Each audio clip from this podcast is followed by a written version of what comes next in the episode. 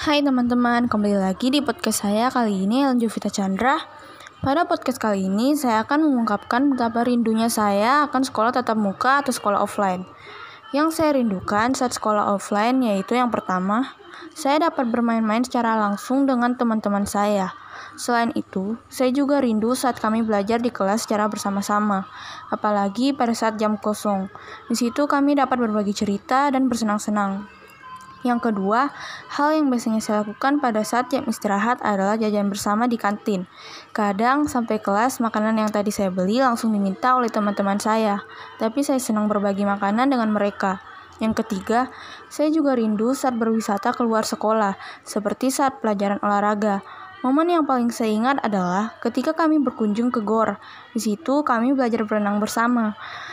Yang keempat, aktivitas lainnya saat dalam sekolah adalah saat kita belajar bersama di ruang komputer. Kami juga biasanya bermain kuis, dan itu sangat menyenangkan bagi kami. Hal terakhir yang saya rindukan adalah pada saat piket bersama. Biasanya kami melaksanakannya sebelum les atau sudah les. Ada juga kadang-kadang teman yang tidak mau melaksanakan tugasnya. Nah, itu tadi hal-hal yang saya rindukan dari sekolah offline. Thank you.